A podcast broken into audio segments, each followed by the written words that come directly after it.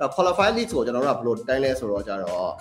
high လို့တခွန်းပြောပြီးတော့ပျောက်သွားတဲ့ဟာတွေကိုကျွန်တော်တို့က list ကိုမသတ်မှတ်ဘူး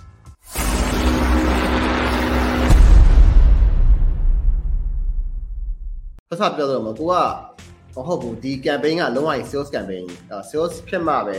ကိုယ့်ရဲ့ campaign အောင်မြင်ခြင်းမအောင်မြင်ခြင်းဆိုတော့သိနေဆိုလို့ရှိရင်ကျွန်တော်တို့ကတော့ဘာနဲ့တိုင်းလဲဆိုတော့ marketing qualifying lead ဆိုခေါ်တယ် MQL လို့ခေါ်တယ်အမှန်တကယ်က အဲကျွန်တော်တို့က sales sales process အခုမှာ MQL SQL ဆိုပြီးတော့နှစ်ခုရှိရယ် marketing qualifying leads နဲ့ sales qualifying leads ပေါ့နော်အဲ qualifying leads ကိုကျွန်တော်တို့ကဘယ်လိုတိုင်းလဲဆိုတော့ကြတော့ high လို့တခွန်းပြောပြီးတော့ပျောက်သွားတဲ့ဟာတွေကိုကျွန်တော်တို့က lead ဆိုမသတ်မှတ်ဘူး message ရဲ့ two side တယ် high လို့ပဲရေးပြီးတော့ကိုကပြန်ဖြေရချိန်မှာအစာမပြန်တော့တဲ့သူမျိုးကိုကျွန်တော် qualify lead ဆိုမသတ်မှတ်ဘူးအဲ့ရနေပြီးတော့မှကျွန်တော်တို့က high လို့ပြန်ဖြေပြီးတော့မှ ကိုကနေစာပြန်တဲ့အချိန်မှာသူကလည်းစကားဆက်ပြောရဲပေါ့နော်ဟိုမှာမိကုံမေးတာလည်းဖြစ်ဖြစ်ဒီ product နဲ့ဆိုင်တဲ့မိကုံမေးတာလည်းဖြစ်ဖြစ်ဖြစ်ဒါမှမဟုတ်ရှင်ကျွန်တော်တို့ရဲ့ product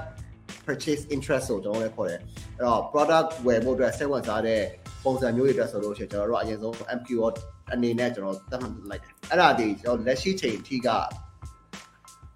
လက်ရှိချိန်အထိက Facebook နဲ့ပဲသွားနေရဆိုလို့ရှင်တော့အဲ manually data ကောက်ကောက်ရပါတယ်အဲ့တော့ comment ဖြေရတဲ့သူကဒီနေ့ကတော့ကျွန်တော်တို့ MQO ဘယ်နှယောက်ရတယ်ဆိုတဲ့ပုံစံမျိုးနဲ့နာမည်တွေကျွန်တော်အကုန်လုံးဆွဲထုတ်ပြီးတော့မှ Excel တစ်ခုကကျွန်တော်အကုန်လုံးဖြည့်ရတယ်ဒါတစ်ပိုင်း